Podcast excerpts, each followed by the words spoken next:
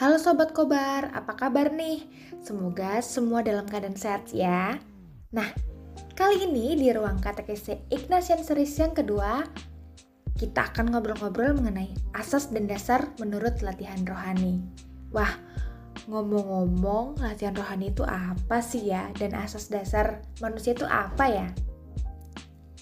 Oke teman-teman, pertama, latihan rohani menurut Santo Ignatius Loyola merupakan cara praktis untuk melakukan meditasi dalam kehidupan rohani bagi mereka yang ingin bertumbuh dalam kekudusan.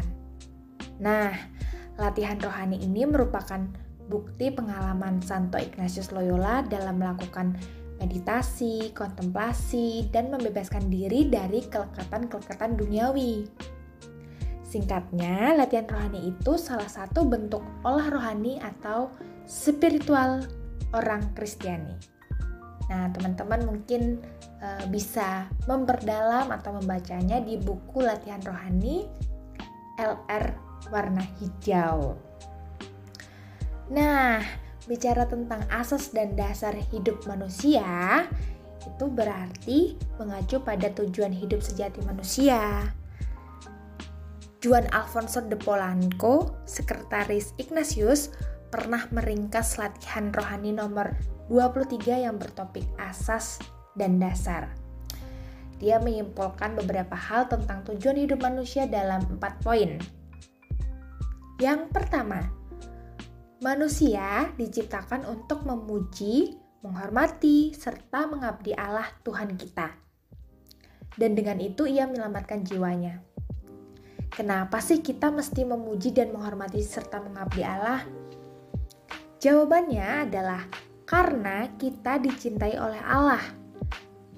Di dalam sejarah hidup, kita sadar bahwa meski tidak sedikit pengalaman pengalaman sulit yang kita alami, eh, pengalaman kesedihan mungkin ya, kita tetap bisa bertahan dan tetap dicintai oleh Allah loh. Karena hidup adalah anugerah yang paling nyata bahwa kita itu dicintai oleh Allah. Keyakinan aku dicintai oleh Allah itu amat penting bagi seseorang untuk tumbuh serta dicintai apa yang harus kuperbuat. Nah setelah dicintai apa yang harus aku perbuat? Tentu memuji, menghormati, serta mengabdi Allah akhirnya adalah suatu tanggapan aktif dari kita yang sudah merasa dicintai oleh Allah tadi ya. Kedua, ciptaan lain di atas permukaan bumi diciptakan bagi manusia untuk menolongnya dalam mengejar tujuan ia diciptakan. Hmm, tentu kita bertanya-tanya, apa sih maksudnya ini?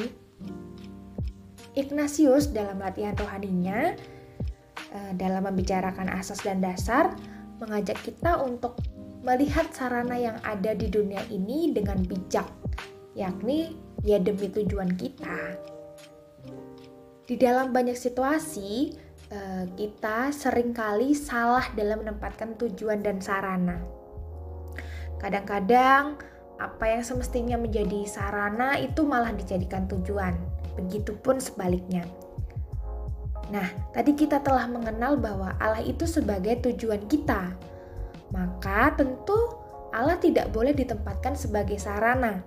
Misalnya, kita berdoa hanya karena membutuhkan sesuatu pertolongan dari Allah saja. Nah, itu nggak boleh. Itu sama saja menempatkan Allah sebagai sarana pengabul permintaan kita ketika kita lagi susah saja, bukan sebagai tujuan hidup kita. Nah, Ignatius mengajak kita di segala situasi di dalam hidup kita, sekalipun itu mungkin rasa sakit, uh, penderitaan, mungkin kita mengalami uh, posisi kejatuhan, kita bisa uh, semua peristiwa itu bisa menjadi cara bagi manusia untuk memuliakan Allah gitu. Jadi nggak hanya yang happy-happy aja, tapi peristiwa-peristiwa sedih juga sebenarnya bisa menjadi cara bagi kita untuk memuliakan Allah.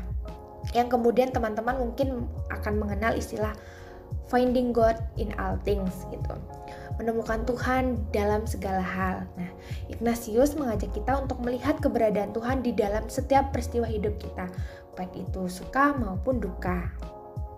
Yang ketiga, sarana-sarana yang kita gunakan tadi itu untuk mencapai tujuan kita ya. Sifatnya itu dapat digunakan dan dilepaskan. Kita menggunakan sejauh itu membantu kita mencapai tujuan.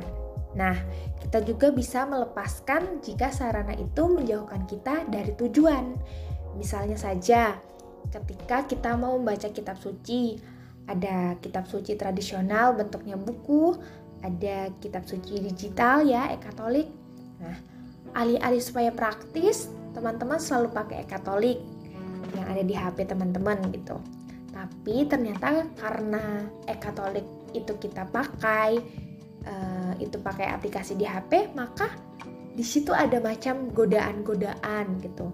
Notifikasi sosmed bisa aja mengganggu kita dalam berdoa gitu. Nah, untuk semacam itu kita harus berani melepaskan HP tadi beserta aplikasi yang ada di dalamnya yang kira-kira sarana yang aku pilih ini kok rasanya nggak cocok lagi bantu aku untuk mencapai tujuanku berdoa.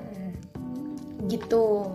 Atau contoh lain eh, ketika kita mau mengerjakan tugas searching-searching di internet karena internet itu kan membantu kita untuk mengerjakan tugas. Tapi kok lama-lama sarana ini malah menjauhkan kita untuk mengerjakan tujuan yang tadi, mengerjakan tugas tadi. Nah, kalau sudah gitu, kita harus berani menstopnya, melepaskannya. Yang keempat, masih berkaitan dengan sarana Ignatius. Masih berkaitan dengan sarana masih berkaitan dengan sarana. Ignatius mengajak kita untuk perlu mengambil sikap lepas bebas terhadap segala ciptaan atau sarana sejauh pilihan merdeka ada pada kita dan tak ada larangan.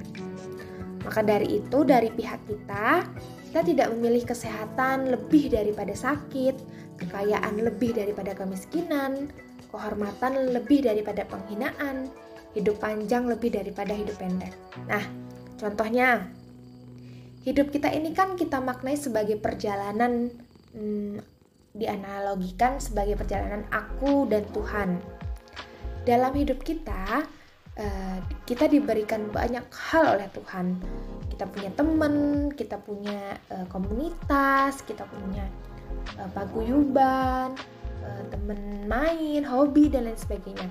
Nah, kalau kita ingat tadi ya, kita memaknai bahwa hidupku ini sebenarnya adalah perjalanan antara aku dan Tuhan, maka semua yang Tuhan berikan itu ada yang aku bawa untuk menemani dan membantuku uh, dalam perjalanan untuk menuju Tuhan. Tapi ada juga yang aku tinggalkan. Misalkan relasi-relasiku, komunitas-komunitasku dan lain-lain yang mungkin itu uh, kurang membantu aku gitu. Tapi yang paling penting dan perlu diingat adalah perjalananku dan perjalanan kita itu adalah perjalanan hidup perjalananku dengan Tuhan. Tuhan yang menemani perjalanan hidupku, apa pun kondisinya. Nah, itu dia empat poin asas dan dasar. Menarik ya, teman-teman.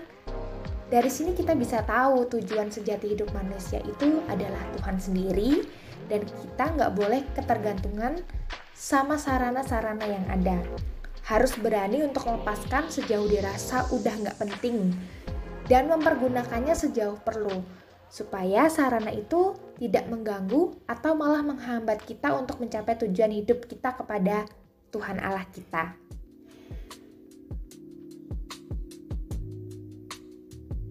Nah, kalau begitu, mampukah kita semua menemukan tujuan hidup kita berdasarkan asas dan dasar tadi?